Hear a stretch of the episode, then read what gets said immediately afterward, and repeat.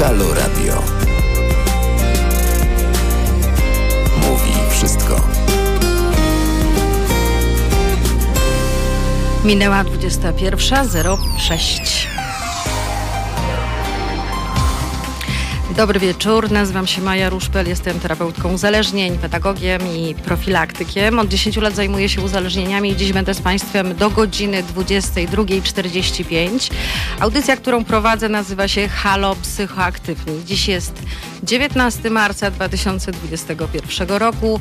Imieniny obchodzą Bogdan, Jan, Józef, Marceli, Marcel, Marek i Narcyz. Jest jeszcze chwila, żeby złożyć życzenia. No i oczywiście kartka z kalendarza, ponieważ już za chwilę będziemy rozmawiali o uzależnieniach, o psychologii. W kartce z kalendarza dwa ważne nazwiska, które miały wpływ na rozwój psychologii właśnie. 19 marca w 2000 roku zmarł profesor Tadeusz Tomaszewski, psycholog, twórca teorii czynności, autor m.in. rozprawy poświęconej rodzajom i motywom reakcji negatywnych. Natomiast 9, 19 marca 1922 roku urodził się Józef Swisłocki, polski fizyk, specjalista psychoakustyki. Co to takiego jest psychoakustyka? Otóż jest to dziedzina nauki zajmująca się badaniem i opisywaniem związków zachodzących między falą dźwiękową docierającą do uszu słuchacza, a subiektywnie odczuwanym wrażeniem, które się u niego wywołuje. Jest to zatem nauka z pogranicza akustyki i psychologii.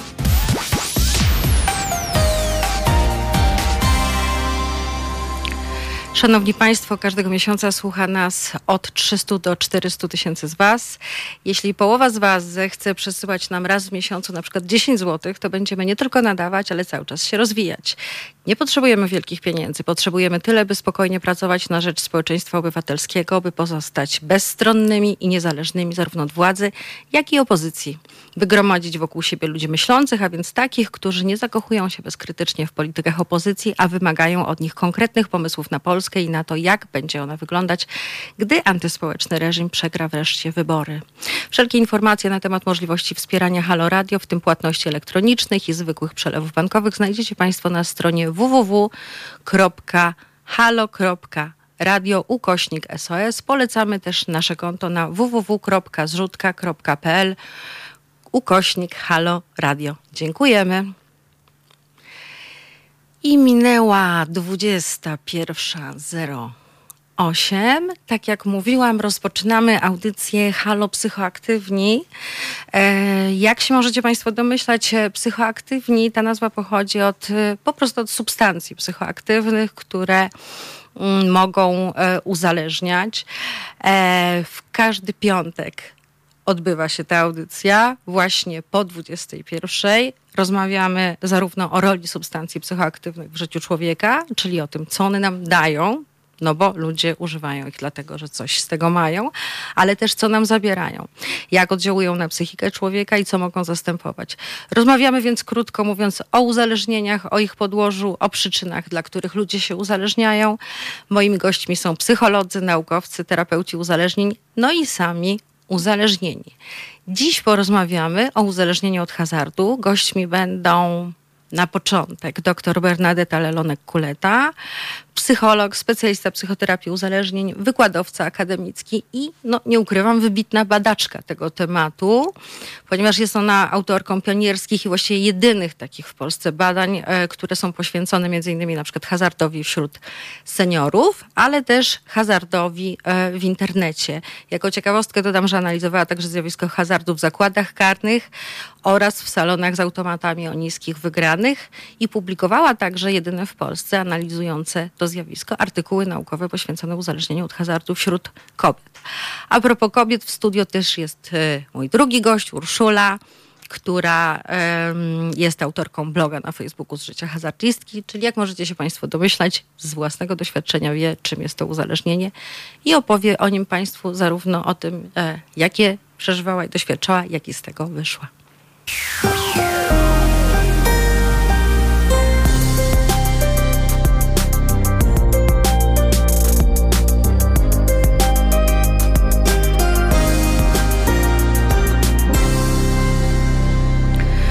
Ponownie dobry wieczór, Maja Ruszpel, audycja Halo Psychoaktywni. Dzisiaj tematem e, naszej rozmowy będzie uzależnienie od hazardu. Może się wydawać, że to jest coś bardzo banalnego i oczywistego, a ja myślę, że właśnie jest e, wręcz przeciwnie. E, szanowni Państwo, żyjemy w takich czasach, kiedy hazard jest dostępny w sposób nieograniczony, właściwie po raz pierwszy w takim rozmiarze i w takiej skali w historii ludzkości. I to jest coś, co właściwie jakoś umyka, e, mimo tego, że to jest oczywiste, to właściwie jest jakoś tematem tabu i o tym się po prostu e, nie mówi, a mianowicie o hazardzie w e, internecie. I z jednej strony brak kampanii edukacyjnych na ten temat. Uważam, że jest problematyczny z tego powodu, że stron internetowych z hazardem jest tysiące, a może dziesiątki tysięcy i Podkreślam, one są zazwyczaj nielegalne. One są zarejestrowane poza Polską i w momencie, kiedy na tych stronach gramy, to możemy ponieść po prostu konsekwencje karne. E, w Polsce tylko 20 e, stron jest e, z legalnym hazardem, ale mało, mało kto o tym wie. A druga sprawa, pomijając kwestie karne, to moim zdaniem dużo poważniejsza sprawa, a mianowicie hazard internetowy jest dużo bardziej uzależniający od tego konwencjonalnego i wiemy to już od kilkunastu lat. Ja tutaj mam przed sobą badania jeszcze z 2008 roku. Celowo wybrałam takie już, tak powiem, stare badania. One są autorstwa wybitnego badacza brytyjskiego Marka Griffisa. Otóż on przeanalizował podobieństwa i różnice pomiędzy graczami internetowymi i konwencjonalnymi i wykazał, że gracze problemowi e, dużo częściej grają właśnie w internecie. Wyszło, że 77% z nich to właśnie byli oni. Natomiast analiza stopnia problemu według kryteriów diagnostycznych wykazała, że problemowe granie można rozpoznać wśród 5% graczy i porównując dziesięciokrotnie rzadziej u graczy konwencjonalnych. E, ze mną jest już dr Bernadetta Lelonek-Kuleta. Dobry wieczór. Dobry wieczór. Ja bym chciała zadać takie proste pytanie i uzyskać prostą odpowiedź. Dlaczego hazard w internecie jest tak bardzo niebezpieczny? Mamy taką sytuację, że, że też e, no, od roku jest epidemia, więc e, zakładam, że może być tak, że to zjawisko też e, może przybierać na sile z różnych powodów, dlatego że ktoś się nudzi albo dlatego, że po prostu boi się, że nie będzie miał środków do życia, więc wierzę, że może, może je wygra. Więc tym bardziej uważam, że to jest ważne, żeby powiedzieć o tym, dlaczego to jest tak bardzo niebezpieczne bezpieczny. Mhm, mhm. Kluczem takim chyba do odpowiedzi na to pytanie wydaje mi się dostępność, jako takie słowo klucz. Hazard w internecie jest po prostu dużo bardziej dostępny niż taki hazard stacjonarny i to ta dostępność rozumiana może być różnorako. Po pierwsze, mm, 24 godziny na dobę można sobie siąść przed internetem, e, otworzyć stronę z grami i po prostu grać. Także to jest jeden aspekt. Nie trzeba wychodzić z domu, e, nie trzeba trzymać się godzin otwarcia lokalu, czy to będzie jakiś e, salon gry, czy kasyno, czy punkt z kuponami lotto. Także tutaj w każdej chwili można grać. Drugim takim aspektem tej większej dostępności jest nieograniczoność, jeżeli chodzi o wiek ponieważ tak jak wspomniałaś Maju, e, większość, znaczy bardzo duża liczba e, stron internetowych oferujących hazard jest nielegalna. E, są to właśnie operatorzy nielegalni, e, którzy nie przestrzegają zasad e, hazardu tak zwanego odpowiedzialnego, no i po prostu też te strony nie są uregulowane prawnie, nie podlegają takiej prawnej kontroli, więc do takich gier może sięgnąć każdy, ja, łącznie z osobami... Ja, tak, ja się wtrącę, bo ja to specjalnie sprawdziłam, mhm. jak to wygląda. Wiesz, znalazłam sobie takie pierwsze mhm. z brzegu kasyno. Co ciekawe, mhm. strona internetowa tego kasyna była absolutnie dostosowana właśnie mniej więcej do gustów dwunastolatków. To była kreskówka. Mhm. To mhm. kasyno też się raczej nazywało po dziecięcemu niż, e, niż po dorosłemu. Mhm. I wyobraź sobie, że e, zalogowanie się tam i wejście i możliwość w ogóle grania tu trwało jakieś może 3, 3 minuty. Wystarczyło, że podałam mhm. swoje dane. Nikt nie weryfikował mhm. mojego wieku. Mhm. Nikt cię nie sprawdził. Mhm. No. No w Polsce mhm. no, no te legalne firmy muszą to sprawdzać, prawda? Tak, Natomiast... muszą i jest to mhm. dość tak mocno przestrzegane, jest to rygorystycznie, jest to obostrzone, oczywiście też opisane w ustawie. Natomiast te strony no, no po prostu rządzą się swoimi prawami, dopóki ktoś ich nie nakryje, prawda, dopóki nie zostaną zablokowane, to jest możliwe. Natomiast te, te strony też bardzo trudno odróżnić. Ja pamiętam e, pana, który miał problem z hazardem, mojego e, klienta, który przyszedł do poradni, ponieważ bardzo się wystraszył. To znaczy miał poczucie, że nadużywa hazardu, ale ponieważ pełnił taką funkcję publiczną, on się bardzo bał, że zostanie wykryte to, że on grał na nielegalnych stronach, ale on nie miał takiej świadomości, że on gra na nielegalnych stronach. On się o tym dopiero dowiedział, że w ogóle są strony hazardowe legalne i nielegalne. Nie miał pojęcia, że to się w ogóle jakoś odróżnia i, i on jak sprawdził, to okazało się, że nie jest to strona taka zarejestrowana legalnie w Polsce i bardzo bał się konsekwencji prawnych i takich zawodowych ewentualnych w przyszłości. Więc e, to jest kolejny jakiś tam aspekt to, że hazard e, no, online, zdarzało mi się na przykład, że klient przyznawał się, że grał, obstawiał jakieś wyniki gry, trakcie, w drodze na sesję, prawda, w samochodzie, bo po prostu sięgnął po telefon, nie był w stanie powstrzymać tej pokusy. Nie ma takich ograniczeń zewnętrznych jak w przypadku hazardu stacjonarnego. No i, i, i jeszcze jednym aspektem właśnie dotyczącym tych nielegalnych gier hazardowych jest powiązane, czy, powiązane, um, powiązanie tych stron często ze stronami, z grami, tak zwanymi grami wideo, czy grami sieciowymi niehazardowymi. Um, gry lątują, że tak powiem, wplatają takie elementy hazardowe. Czasem podpinają linki do tych nielegalnych stron hazardowych, albo zaczyna się na przykład od takich e, wersji demo gier hazardowych, gdzie gra się nie za prawdziwe pieniądze, ale jakby e, gra strukturalnie e, wygląda tak jak prawdziwa gra hazardowa. To jest takim wstępem, próbą, możliwością sprawdzenia siebie. Te gry w takich wersjach demo, one częściej przynoszą większe wygrane, więc też jest większa pokusa, żeby sprawdzić naprawdę, skoro tak dobrze mi idzie. Mm, no i jeszcze jeden taki aspekt, może nie będę tu się strasznie bardzo tak rozwijała, ale to, że mm, nie ma tej takiej bariery oceny społecznej, jeżeli grasz przez internet, a nie w miejscu stacjonarnym. Jesteś anonimowy temu, po prostu. Anonimowy. Dokładnie, prawda? Mhm. Nie towarzyszy temu wstyd, to nie, nie towarzyszy tak. to, o czym często mówią osoby, na przykład kobiety albo osoby starsze, że wstyd być w takich miejscach. Nie, tutaj nie ma tego wstydu, bo nie ma oceny, nie ma ryzyka, e, więc to jest kolejny ten czynnik, który e, no właśnie sprowadza się do tej dużej dostępności hazardu online, co może się Aha. przełożyć na bardziej intensywne granie i, i, i, większe ryzyko rozwoju tych mechanizmów uzależnienia. A jaka jest skala w Polsce, jeśli chodzi o osoby uzależnione od hazardu internetowego? Ty robiłaś właśnie na ten temat pionierskie badania.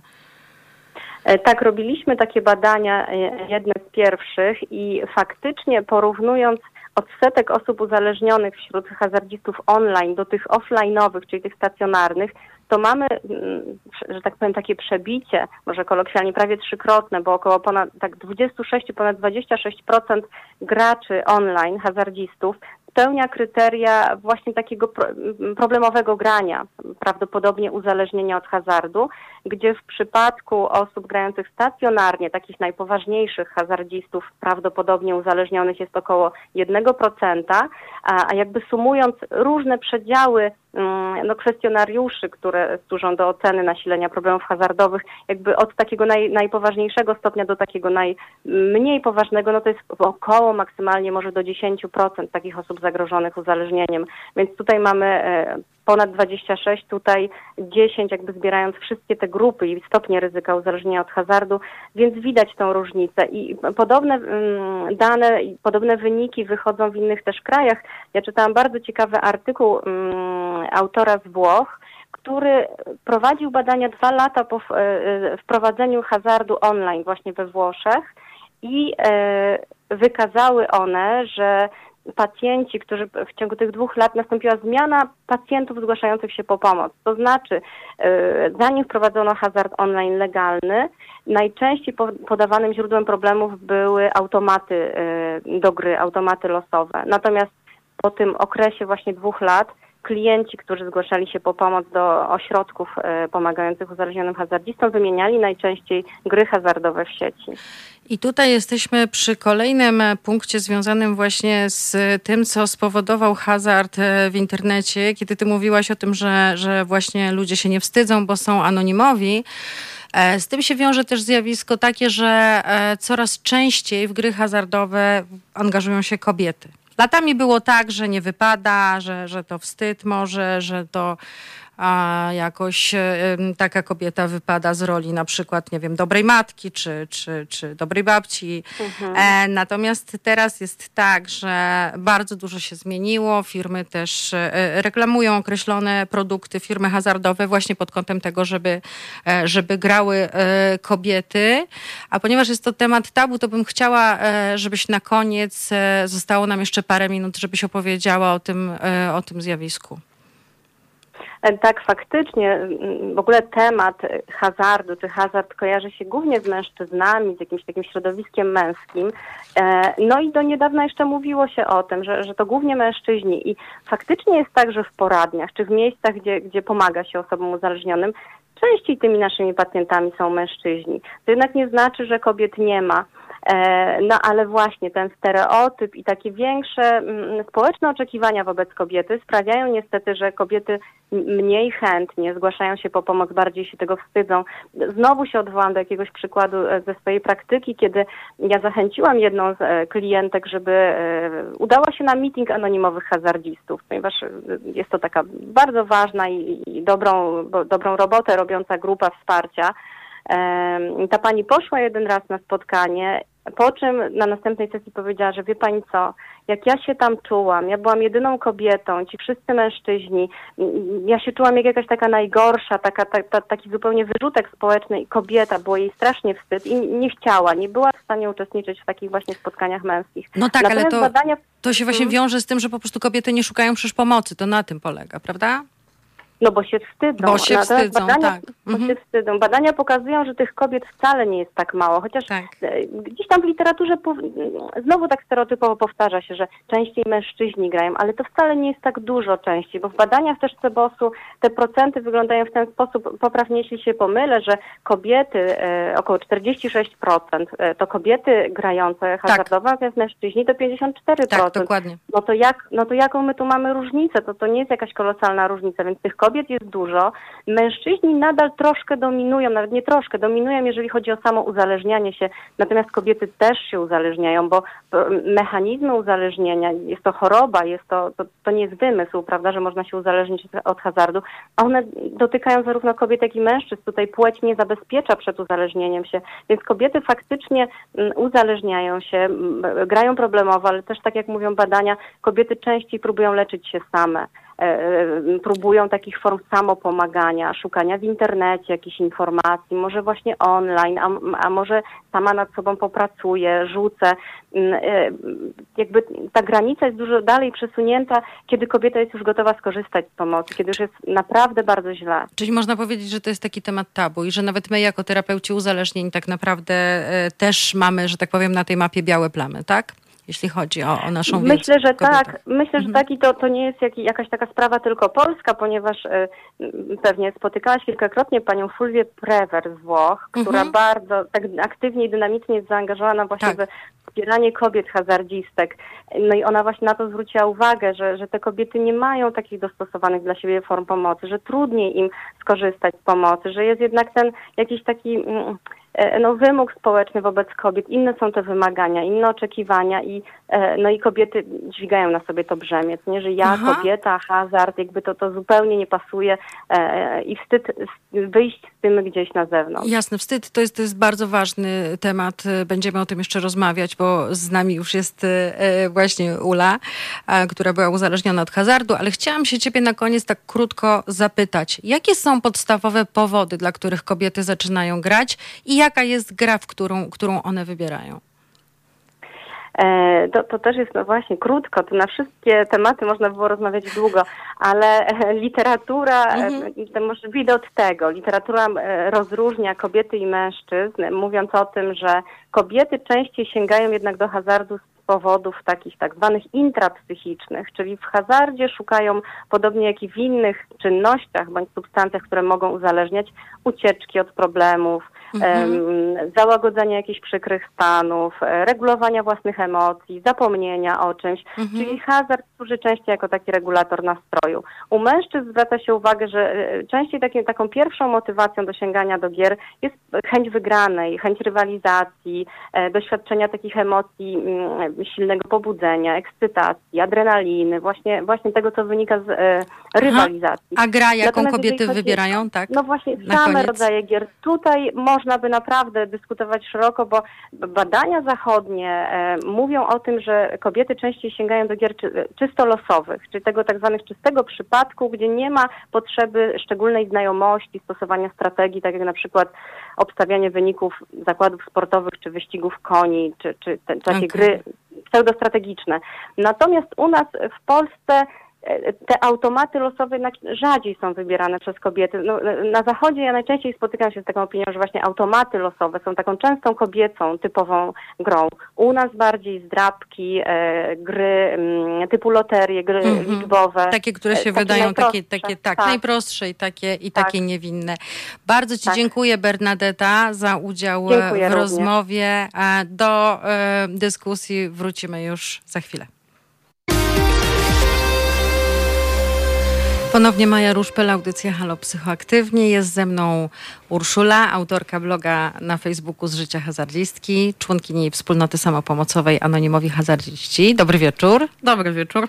Urszula, mam takie pytanie. Ile najwięcej pieniędzy w życiu przegrałaś? Jednorazowo? Tak. Mm, ciężka sprawa. Ja nie pamiętam, jakie to były jednorazowo. Największej nie podałabym, ale to były kwoty rzędu 4 zer, 5 zer. Nie, 5 to już za dużo, 4. Okej, bo czytałam w jednej z twoich wypowiedzi, które Mhm. można znaleźć, że siedziałaś raz na przystanku i Okej. przegrałaś, tak, w, pię- E, w 15 tak. minut wygrałaś Ale no- 80 tysięcy i już za chwilę przegrałaś. Tak, Mhm. tak było. Bywały takie momenty. To takie kwoty, to tak, to, to zdarzało się Mhm. przegrywać tak. Jednorazowo można powiedzieć, no bo to w ciągu kilku minut, kilku godzin czasem. Mhm. Powiedz mi, ile lat byłaś uzależniona od hazardu?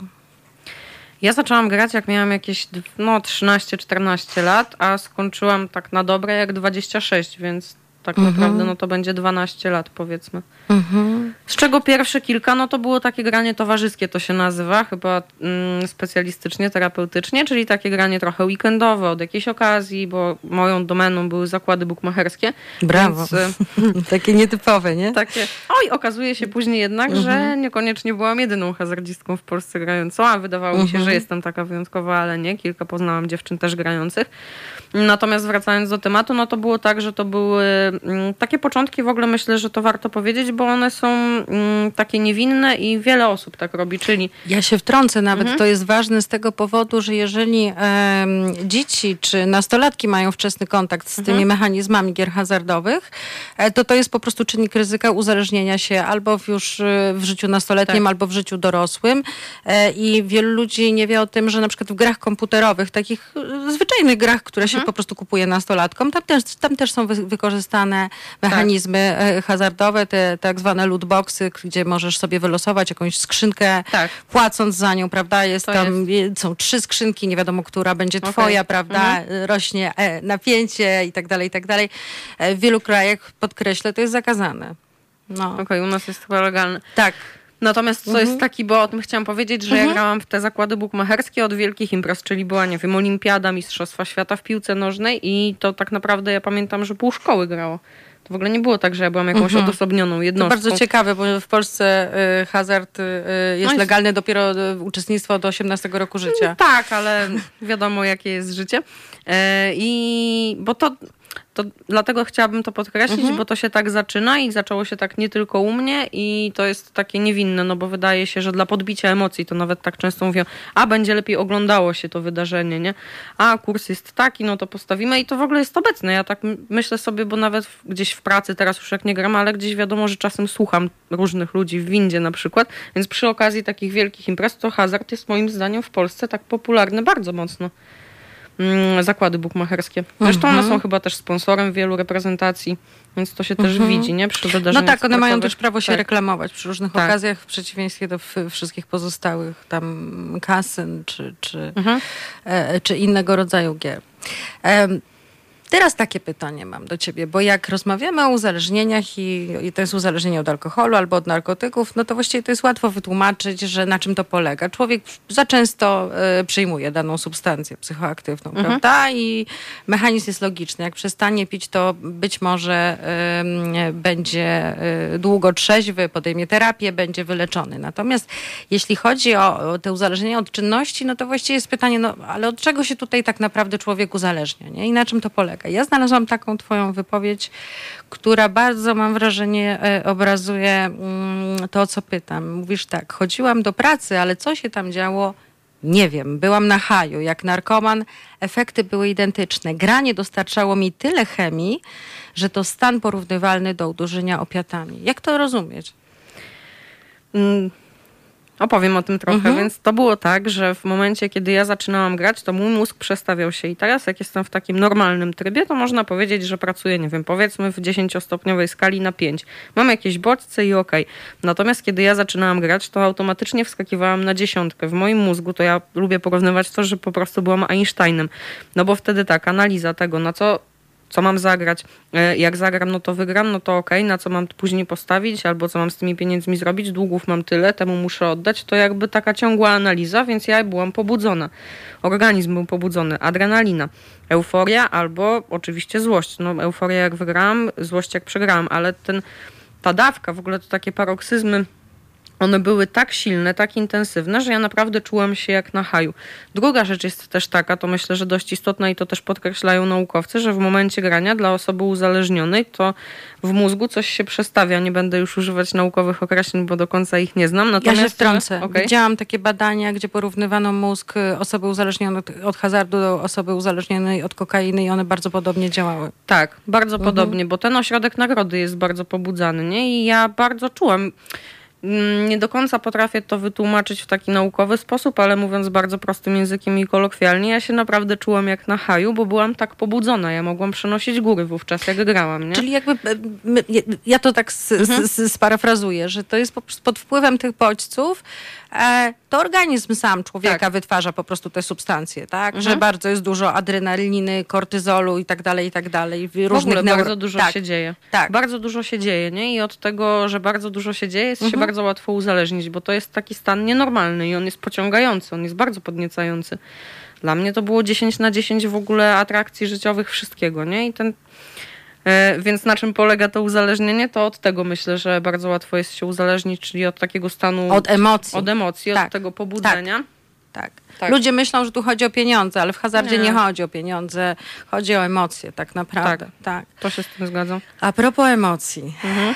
Chciałam zapytać o takie zdanie, które napisałeś w jednym z artykułów. Kobiety w czynnym uzależnieniu od hazardu tracą pociąg seksualny, ale to, to nie jest tylko kwestia utraty tego pociągu, tylko po prostu seks przestaje być tak atrakcyjny, e, jak atrakcyjnym staje się hazard. Tutaj mam wypowiedź na przykład jednej z dziewczyn uzależnionych od hazardu. Seks traktowałam wyłącznie w kategoriach obowiązku. Mąż chciał, a ja czułam, że muszę. Inaczej będą kłopoty, zacznie coś podejrzewać. Ale kompletnie nie miałam ochoty na współżycie. Po co? Lepszą dawkę przyjemności miałam podczas gry. Druga. U mnie było podobnie. Zwyczajnie szkoda na to czasu. Seks, niepotrzebne marnowanie zaangażowania. Ośrodek przyjemności stymulowałam w trakcie gry. Nie odczuwałam innego pociągu. Naprawdę tak jest? Ja mam takie doświadczenie i gro dziewczyn, -huh. z którymi rozmawiam, takie doświadczenie też ma. To jest tak, że jak opowiadałam o tym e, stanie emocjonalnym, który jest w graniu, no to on jest permanentny i to jest tak, że ja mogę grać kilkadziesiąt godzin i ja nie będę zmęczona, nie będzie chciało mi się iść spać i tak dalej i jestem ciągle pobudzona na dziesiątkę. Jeśli chodzi o seks, no to teraz tak, będę pobudzona powiedzmy na dziewiątkę, dziesiątkę, zależy, może też być na piątkę, ale będzie to krótkotrwałe. Co więcej, będzie wymagało jakiegoś nakładu, wysiłku, no bo ja muszę, no jeżeli jestem w małżeństwie, ok, w stałym związku też ok, ale mimo wszystko jakiegoś tam przygotowania to będzie wymagało w większości też dziewczyn, które znam, które są uzależnione, no to one były też w takiej stałej kłótni z tymi partnerami, tak? No bo one gdzieś znikały, ich nie było i nie było tylko, nie tylko fizycznie, ale też emocjonalnie w tym związku, tak?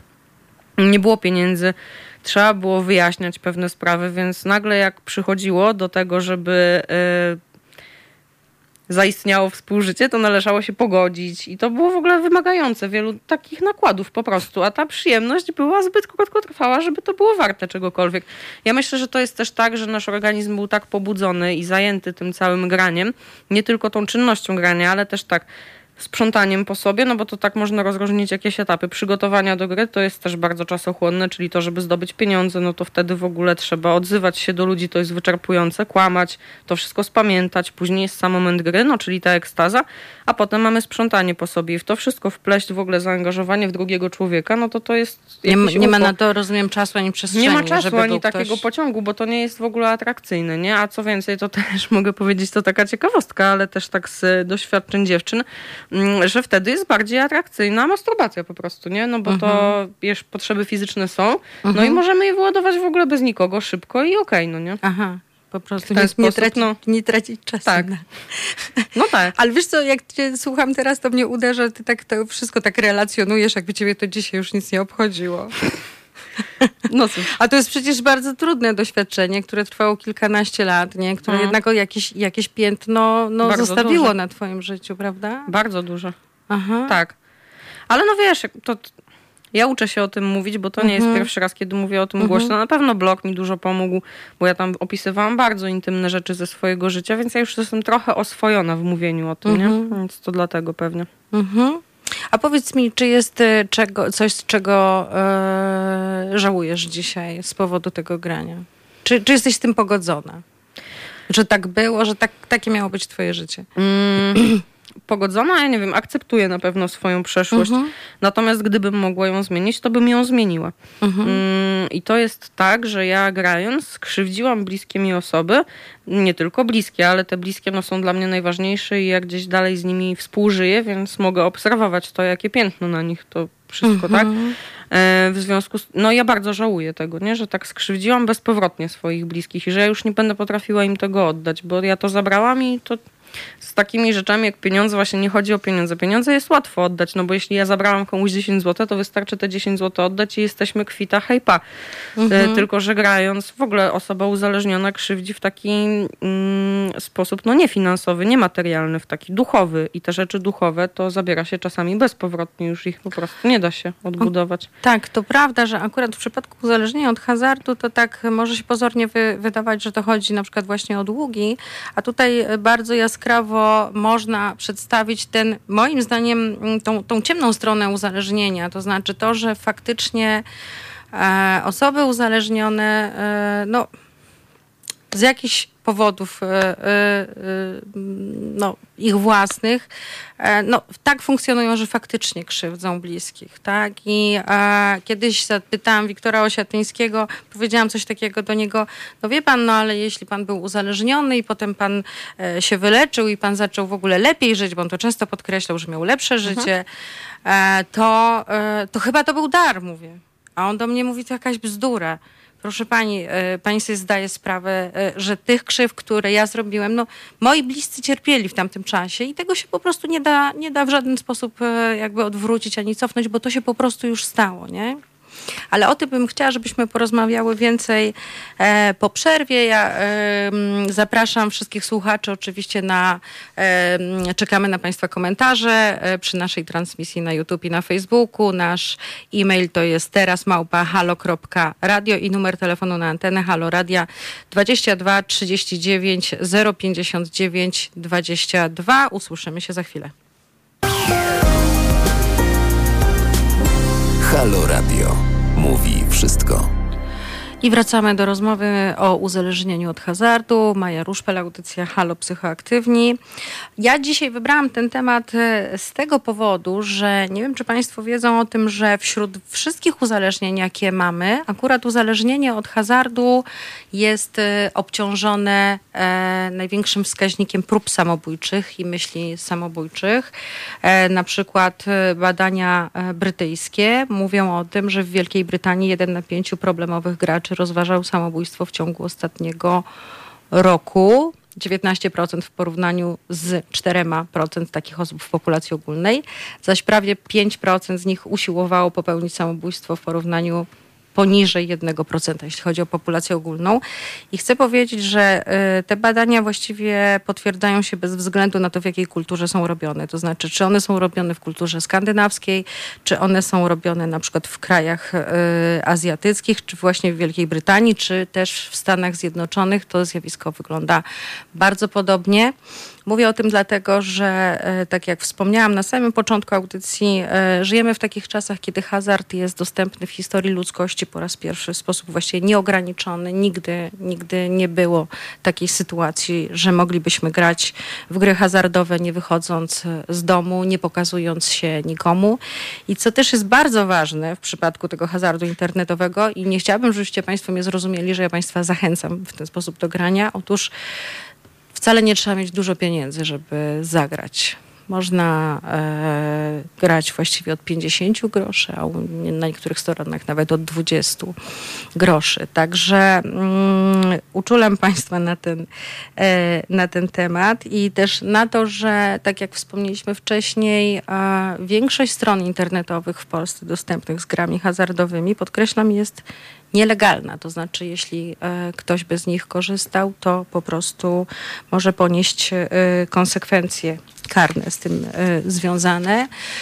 No i też ważna kwestia. Mamy mniej więcej co, co dwa, co trzy lata robione badania przez Fundację CEBOS na temat właśnie skali uzależnienia od hazardu w Polsce, ale głównie te badania koncentrują się w dużym stopniu właśnie na hazardzie tym takim e, tradycyjnym, czyli tym takim stacjonarnym.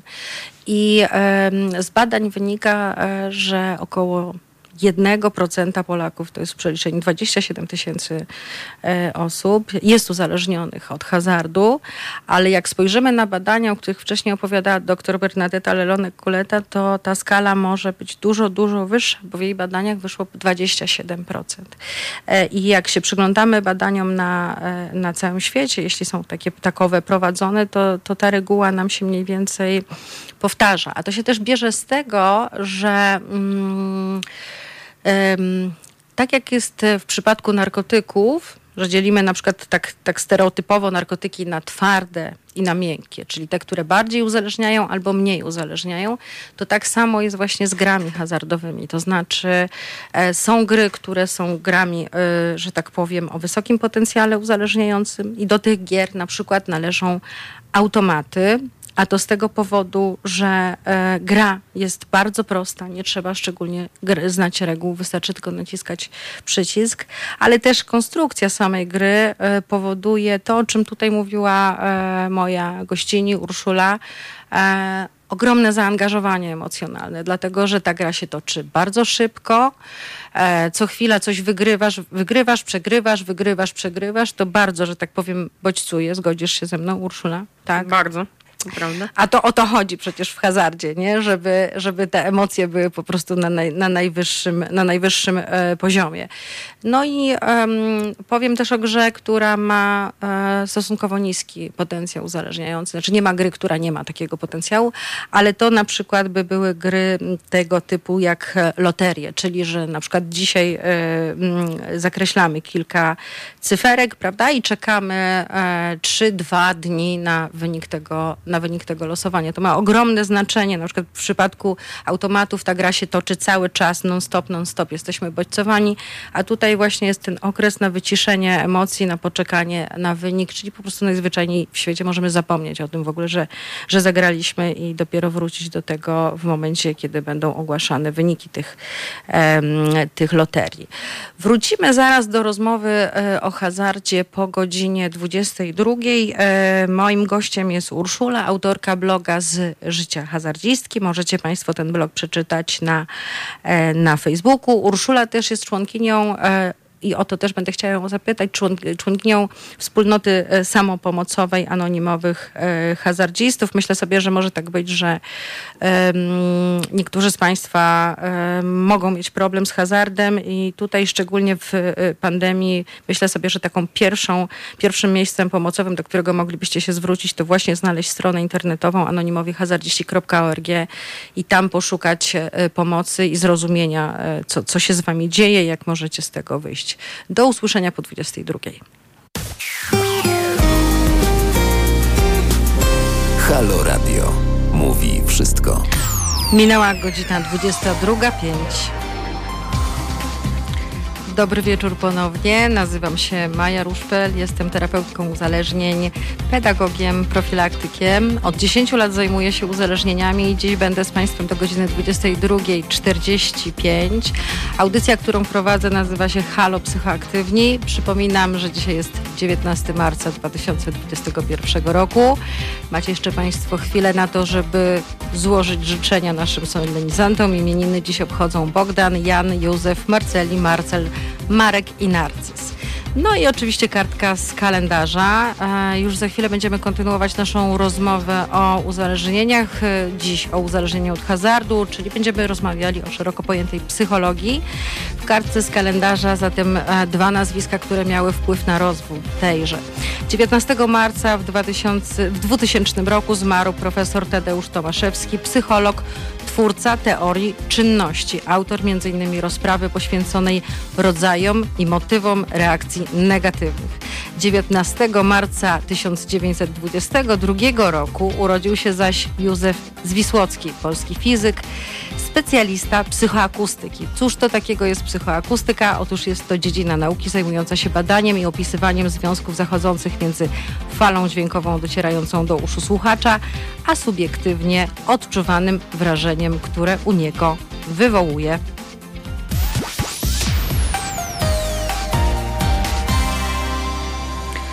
Szanowni Państwo, każdego miesiąca słucha nas od 300 do 400 tysięcy z Was. Jeśli połowa z Was zechce przesyłać nam raz w miesiącu, na przykład 10 zł, to będziemy nie tylko nadawać, ale też cały czas się rozwijać.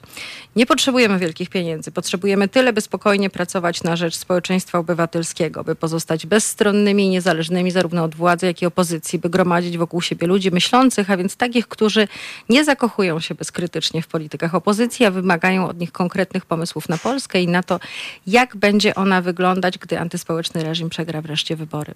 Wszelkie informacje na temat możliwości wspierania Halo Radia, w tym płatności elektronicznych i zwykłych zwykłych przelewów bankowych znajdziecie Państwo na stronie www.halo.radio SOS. Polecamy też nasze konto na www.zrzutka.pl ukośnik Halo Radio. Dziękujemy.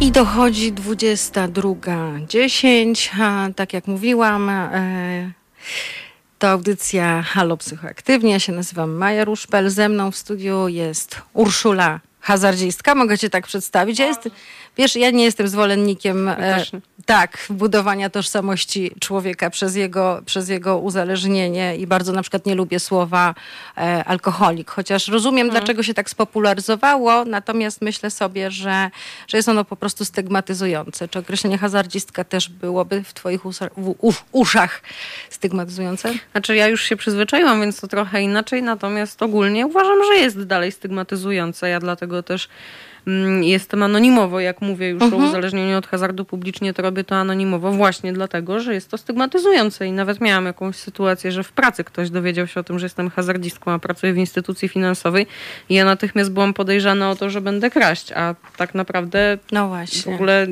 nie ma ku temu żadnych podstaw. Tak, profesor Osiatyński, jak się przyznał lekarzowi, że, że był uzależniony od alkoholu, chyba miał jakiś problem z, z jakimś zaświadczeniem. Tak. Chyba chodziło o prawo jazdy. O prawo jazdy, tak. tak, tak. tak. Okej, okay. za chwilę wrócimy do rozmowy właśnie na temat y, stygmatyzacji, która akurat jest bardzo ważnym tematem w kontekście uzależnień.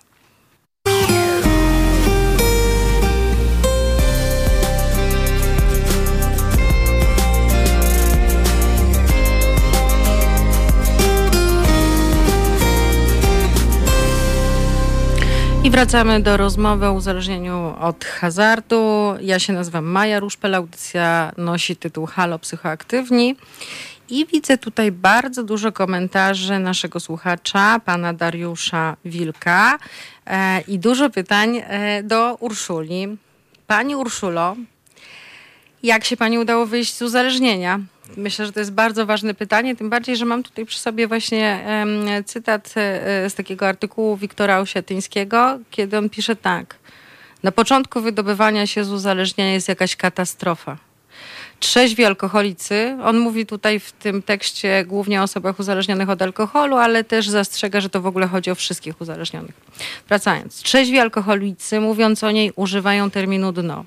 Obrazowo mawiają, że spośród blisko 3 milionów członków ruchu anonimowych alkoholików na całym świecie nie spotkali ani jednego przypadku, by ktoś zadowolony z życia, z siebie wstał, ogolił się, nie drżącymi rękami, włożył dopiero co wyprasowaną przez siebie koszulę, wypił poranną kawę, zamyślił się i postanowił coś zrobić ze swoim alkoholizmem. Takie postanowienie podejmują ludzie na krawędzi. W chwili, gdy patrzy im w oczy śmierć lub gdy tracą coś, co cenią najbardziej zdrowie, wolność, rodzinę, zwłaszcza kobiety, bądź pracę, zwłaszcza mężczyźni. To są właśnie koszty uzależnienia. No więc wracając do pytania pana Dariusza Wilka. Jak się pani udało wyjść z uzależnienia? Czy to była mm. katastrofa na początku? To była ogromna katastrofa. Tak? Um, ja kończyłam grać w takim, w ogóle katalizatorem podjęcia decyzji o tym, że chcę zmienić coś i po prostu przestać grać, to był brak pieniędzy. I ja byłam w takiej sytuacji, w której wynajmowałam mieszkanie w Warszawie, tu gdzie żyję i przez dwa lub trzy miesiące nie płaciłam za nie, więc już groziła mi taka eksmisja typu, że przyjdzie e, syn i panią wyprowadzi. To jest jedna rzecz. No ja po prostu już nie miałam za co grać, a już miałam takie opcje pozamykane na pożyczanie pieniędzy, nie? bo tych długów było sporo takich w instytucjach finansowych plus znajomi, więc to było takie najbardziej oczywiste. Ale temu towarzyszyło też taka alienacja, czyli ja już byłam gdzieś bardzo daleko od tych wszystkich swoich znajomych, no bo ciągle im kłamałam, ciągle oszukiwałam albo byłam nieobecna po prostu, bo nie chciałam się z nimi spotykać, bo ważniejsze było dla mnie to, żeby grać. Mm, więc ja też czułam się, tam Wiktor Osiatyński dużo pisał o takiej godności. Ja właśnie czułam już się niegodna. Ja pamiętam takie momenty, kiedy ja patrzyłam w lustro i myślałam sobie, Boże Ulka, jakim ty jesteś beznadziejnym człowiekiem, jesteś nic nie warta. Wszystkich, które, którzy ciebie kochają, krzywdzisz. Robisz to w ogóle bez żadnych skrupułów, na zimno. Jesteś złym człowiekiem i ja siebie taką widziałam, więc to była taka katastrofa i dno takie mentalne po prostu. I pamiętam ten dzień, jakby to było wczoraj, jak przestawałam grać, grałam do nocy za jakieś ostatnie pieniądze nie mogłam kompletnie zasnąć. I ja rano jadąc do pracy zastanawiałam się, czy, czy po niej pojechać i odebrać sobie życie, czy może jednak szukać pomocy. To już był taki moment i postanowiłam tej pomocy poszukać, a już wiedziałam z doświadczenia, że gdzieś ona jest oferowana przez specjalistów. I ja trafiłam, znaczy zadzwoniłam do wielu ośrodków, ale już byłam naprawdę w takim bardzo ciężkim stanie wtedy i rozmawiałam y, w Gnieźnie, jest taki pionierski w sumie chyba nadal jedyny ośrodek w Polsce, gdzie jest tylko dla kobiet, nie jest koedukacyjny leczenia uzależnień i tam terapeutka po rozmowie ze mną powiedziała, że w ogóle wsiadaj w pociąg i przyjeżdżaj do nas teraz. Ja mówię, ale ja nie mam za co przyjechać. Ja w ogóle nie miałam pieniędzy na ten pociąg, nie? Ale to siostra nawet nie dała mi tych pieniędzy, tylko ze mną pojechała, bo stwierdziła, że jak mi Już da te nie pieniądze... Wierzy. Tak, jak ona by mi dała te pieniądze, to jest całkiem możliwe, że ja zamiast na pociąg, to poszłabym jeszcze zagrać. Bo nie? ja też pamiętam, a, a propos tego, co ty powiedziałeś jeszcze przed przerwą na temat krzywd, które, które bliskim wyrządzają osoby uzależnione. Pamiętam też, że mm, miałaś taką sytuację, że e, przegrałaś pieniądze swojej mamy, 100 mhm. tysięcy, prawda? I e, wtedy faktycznie doszło do takiej demaskacji tak naprawdę. Tak. Rodzina się dowiedziała. E, no i e, poszłaś na leczenie. Tylko, że ja pamiętam, co ty powiedziałaś wtedy, w tamtym czasie, że poszłaś po to, żeby się po prostu od ciebie odczepili. Tak. To w ogóle A nie po tak... to, żeby się leczyć. Oczywiście, że tak. No. To było tak, że ja te pieniądze, w ogóle to zaraz jeszcze nawiążę mhm. do tego, o czym było wcześniej, natomiast ja te pieniądze przegrałam, no to wyszło na jaw, bo musiało wyjść, bo mama pojechała do tego banku, a tych pieniędzy nie było. Mm, I wówczas reakcja ich była dość dziwna, bo ja myślałam, że oni po prostu przyjadą tu z jakimś nożem, będą mnie ścigać po tej Warszawie i mnie po prostu zamordują za to, a okazało się, że powiedzieli, że mnie kochają i że powinnam się leczyć. I ja wówczas jeszcze w tym omoku pomyślałam, nie no fantastycznie, w ogóle siostra zaproponowała, żebym u niej zamieszkała. Ja nie wiem, dostawałam obiady, chodziłam na terapię, w ogóle nikt nie chciał ode mnie pieniędzy. Ja miałam na papierosy, ja w ogóle byłam jak pączek w maśle, tak? Nic się nie stało. To jest bardzo częsty błąd osób y, współzależnionych, mogę powiedzieć, ale po prostu rodzin, nie? Hazardzistów czy alkoholików, narkomanów to bez znaczenia, że ta pomoc jest taka, a tak naprawdę to nie jest pomoc, tylko jeszcze kolejny gwóźdź do mojej trumny, no bo okazuje się, że w ogóle nie mam konsekwencji. Czyli ja mogę sobie bezprawnie grać, kraść i nagle w ogóle ludzie mówią, że mnie kochają. Nie? To, to, to w czym problem? Czemu ale, mam przestać? Wiesz co, ale w tym, w tym tekście Osiatyńskiego, który przed chwilą mhm. E, cytowałam, jest taki bardzo ważny wątek dotyczący czegoś, co on nazywa zakłamaniem. Mhm.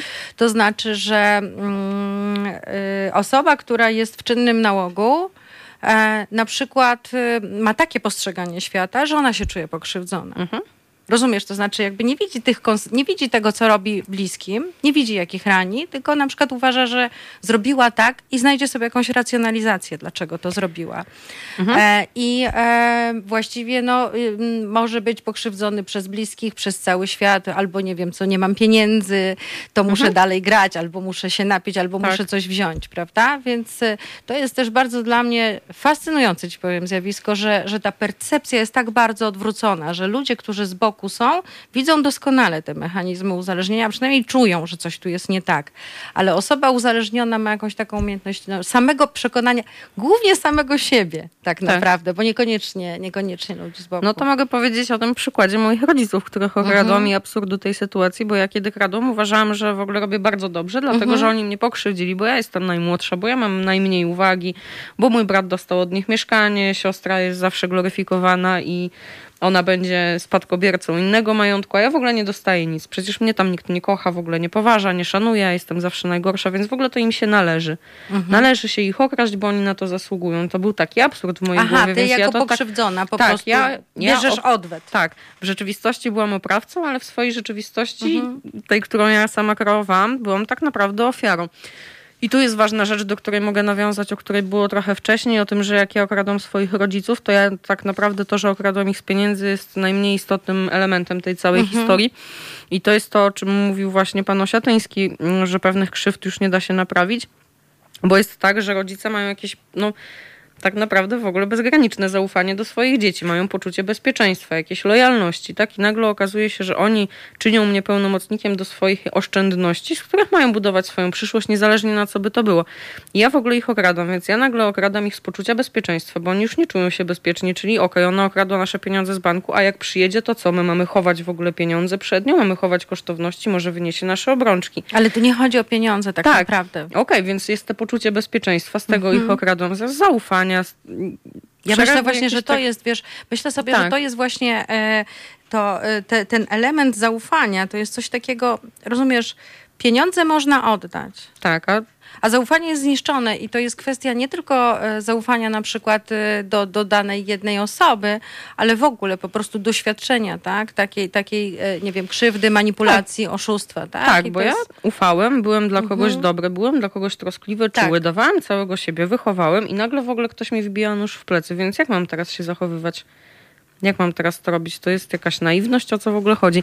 Nie, no tak, to, to zdecydowanie i tego nie da się oddać. I to, że ja nie gram jakiś czas i że staram się być dobrym człowiekiem i też być użytecznym człowiekiem w rodzinie, jej członkiem, to nie naprawi tego, że ja im to odebrałam. To jest bardzo ciężko.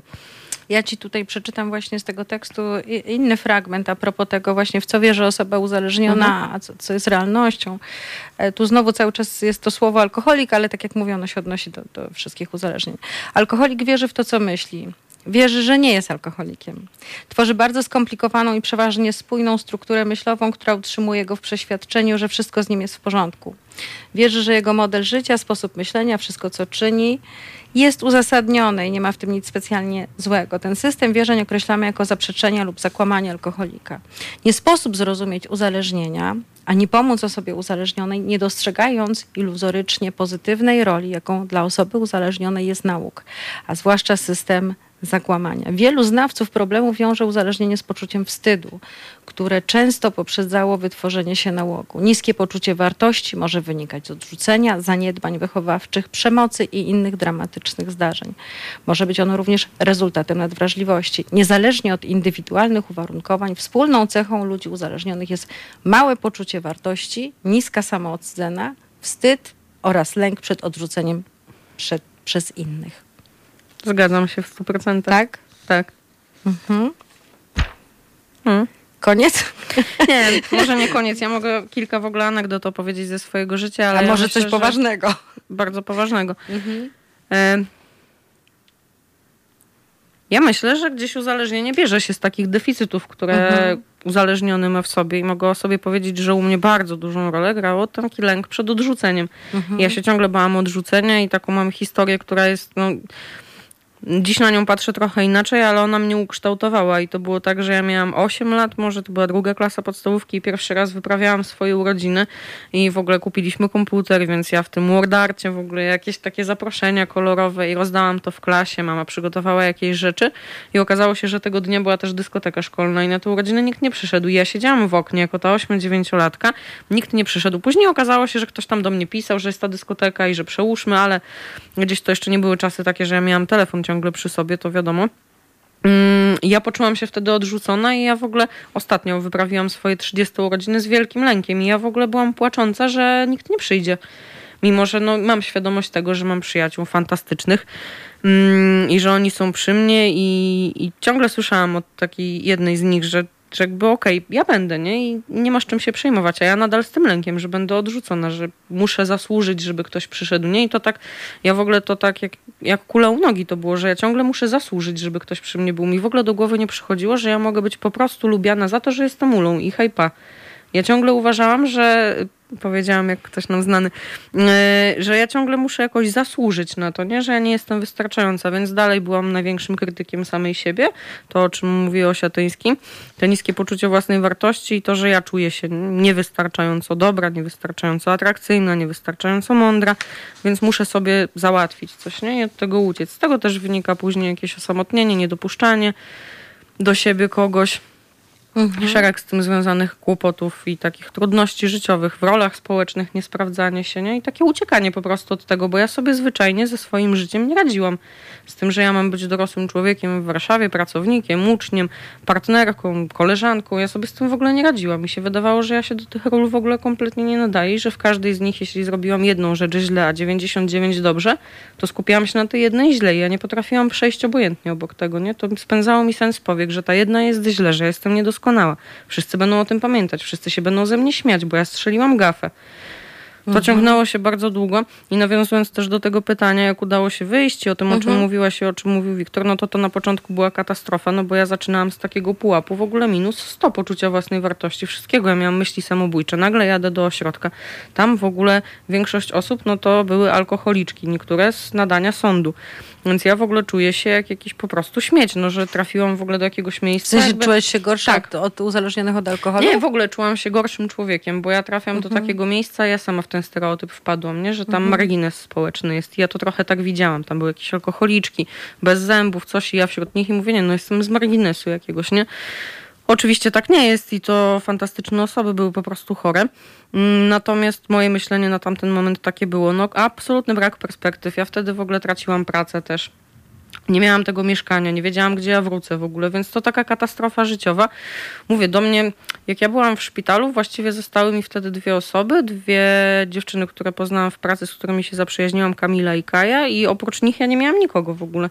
Ja wtedy kończyłam jakiś taki związek, y, przyjaźń z jakimś innym mężczyzną, miałam takich dwóch niby partnerów, niby nie, to się tak jakoś różnie układało w życiu, bo ja też uciekałam po prostu od tego, żeby się zaangażować w jakikolwiek związek, bo to od za bliskości. dużo czasu. Tak, i od mhm. bliskości. No tak, no bo też w bliskości to trzeba, warto tak. być otwartym emocjonalnie i uczciwym. Tak, a ja prawda? oczywiście nie. Więc w ogóle mhm. podziwiam też dziewczyny, że one zostały, bo ja wtedy byłam okropnym człowiekiem na pewno, bardzo złośliwym i takim odpychającym. Nie, jak ktoś się już zbliżył na chwilę, to ja natychmiast te pazury, żeby tylko nie, bo bałam się.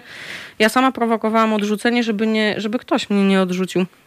Natomiast no i e, terapia postawiła mnie na nogi, no bo to 8 tygodni, ja w ogóle też nie miałam kompletnie telefonu, więc to o czym mówiła Bernadetta, że czasem ktoś może grać nawet przez telefon, mi telefon zabrano, ja w ogóle nie miałam telefonu. Rodzice mogli dzwonić na dyżurkę pielęgniarek, żeby zapytać, czy wszystko jest w porządku, ale tak, no to byłam tam po prostu sama. E, a później były meetingi, to o tym pewnie jeszcze pogadamy. Tak, o tym pogadamy po przerwie, dlatego że Fajnie by było na koniec porozmawiać o tym, y, jak się wydobyć z tej katastrofy. No bo to, co powiedziałaś, brzmi naprawdę dramatycznie i to, że miałaś myśli samobójcze, chyba już samo o sobie e, świadczy.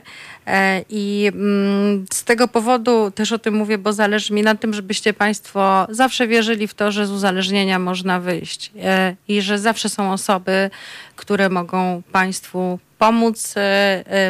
Proszę mi uwierzyć, na słowo. Do rozmowy za chwilę wrócimy. I wracamy do rozmowy. Audycja Halo Psychoaktywni. Przy mikrofonie Maja Ruszpel. Jest ze mną Urszula i się waham powiedzieć hazardzistka, ale y, wytłumaczę, dlaczego używam tego słowa. Ula jest e, członkinią wspólnoty anonimowych hazardzistów i mm, jeśli człowiek dobrowolnie, prawda, sam chce siebie tak nazywać jako członek wspólnoty, to oczywiście to jest jego własny wybór. Natomiast, e, e, tak jak wcześniej wspomniałyśmy, określanie drugiego człowieka właśnie alkoholikiem, narkomanem, hazardzistą, e, czyli budowanie jego tożsamości przez jego zaburzenie jest e, stygmatyzujące, tak jak w każdym innym zaburzeniu psychicznym.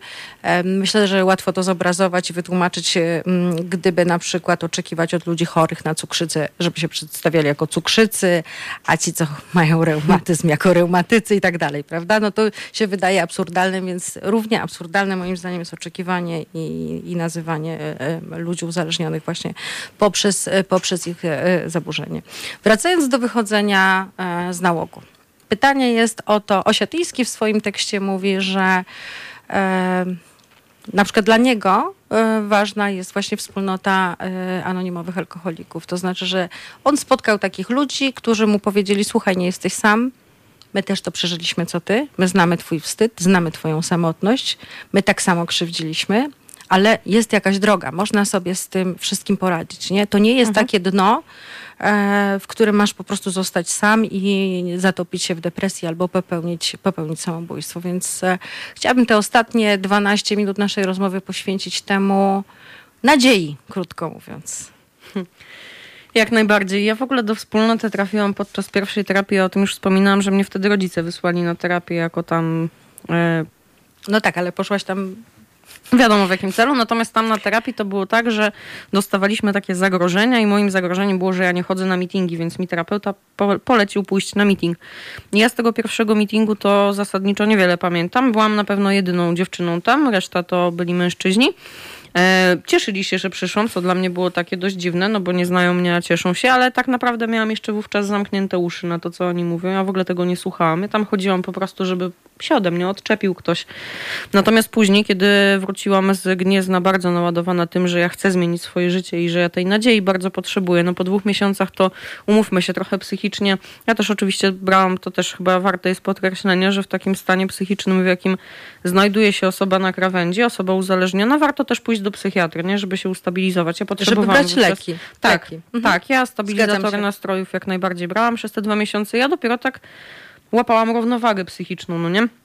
I wówczas poszłam do wspólnoty i od pierwszego meetingu się w niej zakochałam. To, o czym mówi Wiktor, bo to jest tak, że to też o tym już wspominałam, że ja jak kończyłam granie, no to czułam się bardzo samotna, bo wszystkich wokół skrzywdziłam. I nagle przychodzę do ludzi, którzy akceptują mnie dokładnie taką, jaką jestem. Ja to usłyszałam na meetingu. Ja zaczęłam coś opowiadać, że ja to coś, no dobra, nieważne, poznamy się, będzie ok, natomiast nie musisz się tłumaczyć, że ty kogoś okradłaś, my na ciebie nie patrzymy jak na złodzieja, ty jesteś sobą, a nie chorobą. Tak? Ty przychodzisz mhm. do nas jako ula i okej, okay, my ciebie bierzemy, nie? Możesz opowiadać o wszystkim. Bardzo ujęło mnie i to jest ważne we wspólnocie, że tam wszystko można, a nic nie trzeba, nie ma żadnego przymusu. Można wyjść w trakcie trwania meetingu, nie ma żadnych zapisów, nie trzeba nigdzie dzwonić, to jest wszystko bezpieczne, anonimowe. No i co dostałam we wspólnocie, co było takie kluczowe? Ja dostałam ciepło, którego wcześniej nie czułam i okazało się, że ktoś może mnie tak bezwarunkowo polubić. Tylko za to, że ja przychodzę i że jestem, po prostu, że ja nie potrzebuję niczego udowadniać, nic dawać, nie muszę się wypowiadać, a i tak dostaję herbatę, ktoś mnie przytula. Też ta czułość fizyczna myślę, że jest istotna, bo. Mm, tak jak wcześniej opowiadałam o tym, że tego pociągu seksualnego nie ma i tak dalej, to część hazardzistów jest po prostu po rozstaniach, tak? Albo albo tej rodziny nie ma, bo ją przegrywa w kasynie, albo w ogóle jej nie założył, bo ważniejsze było granie, to mój mm, przypadek. I nagle okazuje się, że po raz pierwszy przychodzisz i ktoś cię przytula. Ta czułość jest ważna, bo wtedy czuję się potrzebna, nie? Czuję się kochana. To było też takie istotna podwalina, no bo natychmiast moje poczucie własnej wartości wzrasta. We wspólnocie to jest istotne. Jest też to takie niesamowite, bo tego mm, w większości nie ma, ta bezinteresowność i pomaganie innym, bo my we wspólnocie nie pomagamy finansowo, absolutnie nie. Natomiast to jest tak, że Okazuje się, przepraszam, no. a propos pomagania finansowego, to też mi się przypomniał Osiatyński, że, że zanim zaczął chodzić właśnie do A, to sobie wyobrażał, że to są takie spotkania jakichś koleżków, którzy potem idą razem na piwo. Nie? Tak. Tak, to, to, to często, albo że właśnie hazardziści często mówią, jak ktoś przychodzi, że no myśleli, że tutaj to się mówi jak wygrać na przykład, nie? że tu jest grupa ludzi, która sobie tak ale, mówi. Ale powiedz mi, to znaczy dla ciebie, dla ciebie właśnie wspólnota była tą nadzieją, czy, czy ktoś inny? No bo, bo wyszłam od tego, co pisał mhm. Osiatyński, że drugi człowiek jest bardzo tak. ważny. Mm, ja muszę ci powiedzieć, że historia jest taka, że ja drugiego dnia przychodzenia na mitingi poznałam Masię, którą też znasz. Mhm. I to była moja nadzieja i do dzisiaj, bo to, to jest osoba, która nie, wówczas nie grała powiedzmy 18 lat i ja posłuchałam chwilę o jej życiu i pomyślałam, Boże, można być kobietą, można nie grać ileś lat, można w ogóle prowadzić fajne życie. Mi to imponowało, że ona ma takie normalne życie, że właśnie to, że jest hazardzistką w ogóle nie determinuje jej życia, że to jest jakaś jedna z części jej życia, ale wcale nie dominująca. I że można po prostu to była moja taka nadzieja, nawet nie wiem jak to inaczej ująć. To mi naprawdę dało nadzieję. Później z czasem poznawałam też inne osoby i one miały jakieś swoje imiona. To nie było tak, że wspólnota jako jakaś mityczna rzecz dawała mi nadzieję, tylko właśnie konkretne osoby, które ja poznawałam później w życiu prywatnym. Okazywało się, że one są wesołe, kochane w swojej rodzinie, że one robią super rzeczy, że mają jakieś aktywności, nie? że poznają życie, że są świadome i ja pomyślałam, kurczę, to ja też mogę, nie? To było bardzo istotne, bo ja wcześniej nie znałam osób, które grały, są uzależnieni tak. i teraz żyją sobie inaczej. I że te życie właśnie, to, to o czym ty mówiłaś pewnie do, do pana Osiatyńskiego, że kurde, że to jest dar, no bo nagle jesteś świadomy, nagle w ogóle znasz siebie dużo bardziej, yy, doceniasz ta cała wdzięczność, którą masz, że takie nawet małe rzeczy mają dla ciebie znaczenie, to jest super. I ja to dostałam od tych ludzi, którzy mi pokazali, że oni tacy są też w życiu, nie? W takim swoim prywatnym.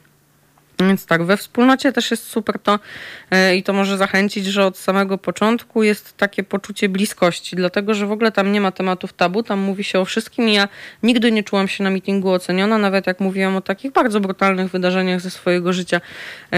Też słuchałam o takich no, bardzo nieprzyjemnych rzeczach od innych i też nigdy w mojej głowie nie pojawiło się, że ojej, ten to złodziej, ten to krzywdzący, ten to przemocowiec. Nie, nie, nie, absolutnie. Odróżniałam to, że to są czyny, a nie, że to są ich zachowania, które wynikały z uzależnienia od hazardu, ale to nie jest ich tożsamość. Nie? Ale właśnie powiedziałeś bardzo ważną rzecz teraz, że faktycznie jest tak, że, że osoby uzależnione, jak już tutaj padło w tej rozmowie i też mhm. sama o tym mówiłaś, prawda? No... Y podejmują takie działania, które mogą być krzywdzące dla innych, tak? Można, można po prostu zniszczyć kimś zaufanie, można po prostu kogoś okraść. Różne rzeczy, różne rzeczy się dzieją. Natomiast e, myślę sobie, że jak rozmawiamy o samej tej esencji uzależnienia, że to jest właśnie bardzo ważne, że jeżeli już potępiamy, prawda, oceniamy, mhm. tak? Bo ja jestem bardzo ostrożna na takie, na takie właśnie krytyczne podejście do pewnych rzeczy, jeśli chodzi o osoby uzależnione, że to chodzi tylko o czyn, natomiast nie skreślamy i nie potępiamy tego człowieka. To bardzo ważne, żeby mhm. to rozgraniczyć, bo no, niestety w ogóle my w życiu mamy taką tendencję, żeby zachowania pomijać, a nazywać cechy charakteru i żeby tak oceniać i krytykować innych. A tak naprawdę większość hazardzistów, których znam, nie grających, w ogóle osoby uzależnione, są bardzo wrażliwe, bardzo ciepłe. Natomiast postępowały tak, że można to, no, umówmy się, skrytykować dość mocno, tak? No bo to było krzywdzące dla drugiego człowieka i to było wykroczenie poza pewne normy przyjęte nasze w społeczeństwie i też poza prawo na przykład, nie? Więc to, to należy potępić, ale to nie czyni tego człowieka złym. Tak. To jest po prostu jego zachowanie, które wynika z tego amoku, nazwijmy to po imieniu, który jest... Jest którego... chyba uzależnieniem w ogóle, no, tak. jakby uzależnienie jest jakiegoś rodzaju, bym powiedziała, obsesją. No i to też to, o czym mówiłaś, tak, że ta percepcja nasza podczas grania jest bardzo zaburzona, więc to jest też tak, że jak ja okradałam swoich rodziców, to ja nie robiłam tego z determinacją i myśląc sobie, o ja was ukażę, nie? W mojej głowie były te usprawiedliwienia, że ja jestem pokrzywdzona, że oni coś tam, ale to nie było tak, że ja po prostu wpadłabym do nich z pistoletem i w ogóle bez mrugnięcia okiem, nie? Ja wiedziałam, że to są są rzeczy złe, tylko mi ta percepcja była zaburzona przez to granie i te wszystkie hamulce, które mam moralne, to one po prostu puszczały przez to granie, nie? Mhm. Mamy dosłownie kilka minut do końca naszego spotkania. E, Ula, mam do ciebie taką prośbę. E, zakładam, że może ktoś, kto nas teraz słucha, jest w czynnym nałogu. Mhm. Mhm. Co byś mu powiedział? Przede wszystkim, że nie jest sam. Mhm. Że jest nadzieja, że tak naprawdę to rozwiązanie jest proste, bo jest e, grono ludzi, które przez tą samą drogę przechodziło i nie trzeba jej jeszcze raz sobie wydeptywać, nie trzeba, to drzwi są otwarte, wystarczy za nimi podążać. To Najistotniejsze jest to, żeby tej pomocy samodzielnie poszukać i poszukać jej w takim miejscu jak anonimowi hazardziści lub w ośrodkach leczenia uzależnień. Właściwie chyba w każdym powiecie teraz prawo zobowiązuje, żeby takie, taki ośrodek był. Tam są specjaliści, którzy będą pomagać, bo wiadomo, jest to choroba, którą należy leczyć, więc kilka elementów jest takich stałych i to w terapiach i na meetingach o tym mówimy, jakichś takich złotych zasad, które należy przestrzegać, ale przede wszystkim to trzeba być w tym uczciwym i posiadać tą motywację, taką gotowość do zmiany swojego życia. No bo... ale w twoim przypadku to ta gotowość raczej była wymuszona, prawda? Bo ty nie miałaś Tylko, pieniędzy. że ja popie... A. No, Rozumiesz? No, tak, tak, ale to ta motywacja za chwilę była, ja tak. Się, ja się wtrąciłam, dlatego że faktycznie też ja jako terapeutka, no mm, to nie jest, bardzo rzadko się zdarza tak, żeby przyszedł pacjent i powiedział, proszę pani, chcę zmienić swoje życie. Nie? Mm. Tylko, że to jest tak, że on mówi, ja y, jestem tym wszystkim już tak potwornie zmęczony, jestem tak zmęczony tak. piciem, że boję się, że, że umrę, ale jednocześnie tam jest cały czas takie... Mm, że ten alkohol jest tak bardzo ważny dla niego, e, że mm, na przykład zaczynają się takie rozmowy, no pani też prowadzi taki program ograniczenia picia, może ja bym mógł po prostu ograniczyć. Znaczy ja, ja to mhm. rozumiem, że to jest coś dla, dla nich tak bardzo ważnego, że jakby zrezygnacja z tego, tak, jest, jest faktycznie normalnym żalem po stracie, tak? To znaczy, tak, tak, jak, tak jakby ktoś umarł, nie? Ten, ten alkohol czy ten narkotyk to jest często po prostu coś, co im daje spokój, ukojenie, jest jakimś mhm. rodzajem przyjaciela, tak? Więc ja rozumiem, że to jest ogromna strata i na początku jest takie targowanie się, no a może ja będę po prostu mniej pił. Jest bardzo duża, no ja często porównuję w swoich wypowiedziach hazard do swojego kochanka i męża i w ogóle to była tak? miłość mojego życia, 10 na 10 moje. Długo wydawało mi się, że nic mi już nie da w życiu 10 na 10. Mhm. Ja miałam okropny żal po tym, że ja już nigdy nie będę tak stymulowana, że ja już nigdy takich emocji nie będę miała w no sobie. No i co? Nie? Udało się? E, tak, teraz mogę powiedzieć, że tak i one są na trzeźwo zupełnie w ogóle też na innym poziomie i wydaje mi się, że wyższym nawet niż były wtedy. Natomiast wracając do tego, co mogę powiedzieć innemu hazardziście, mhm. który, który dalej gra. Um, bo to tak, ja oczywiście nie byłam na to gotowa, żeby zmieniać swoje życie w tak 100%, no bo tam dużo rzeczy się wydarzyło, więc ja po prostu poszłam po pomoc. Nie z takiej czystej potrzeby serca, żeby się zmieniać, ale we mnie była ta gotowość, że jakby ktoś powiedział, że mam przez tydzień jeść y, tylko ziemniaki, żeby zmienić swoje życie, to pewnie bym je jadła, o to chodzi.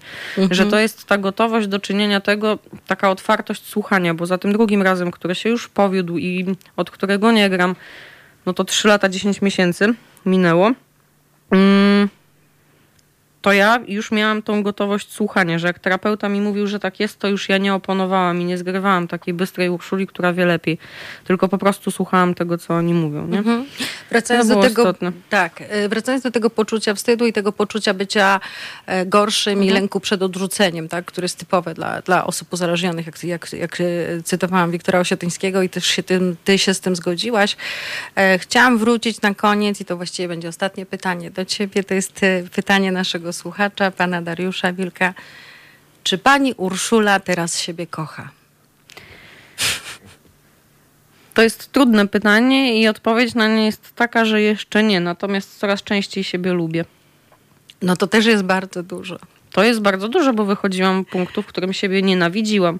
A teraz są momenty, że sama siebie przytulam i lubię sama ze sobą być. W ogóle bardzo doceniam czas sama ze sobą i czasem bardzo siebie lubię. Czy mogłabym to nazwać miłością? Jeszcze nie, ale myślę, że pokochać można jak już się pozna, a ja dopiero siebie poznaję tak głęboko. Okej. Okay. Ale na dobrej drodze jestem. Bardzo Ci dziękuję za rozmowę. E, bardzo Państwu dziękuję za ten wspólny wieczór. Dochodzi godzina 22.45. To była audycja Halo Psychoaktywni. Dobranoc mówię Państwu ja, czyli Maja Ruszpel i zapraszam na felieton Magdaleny Środ.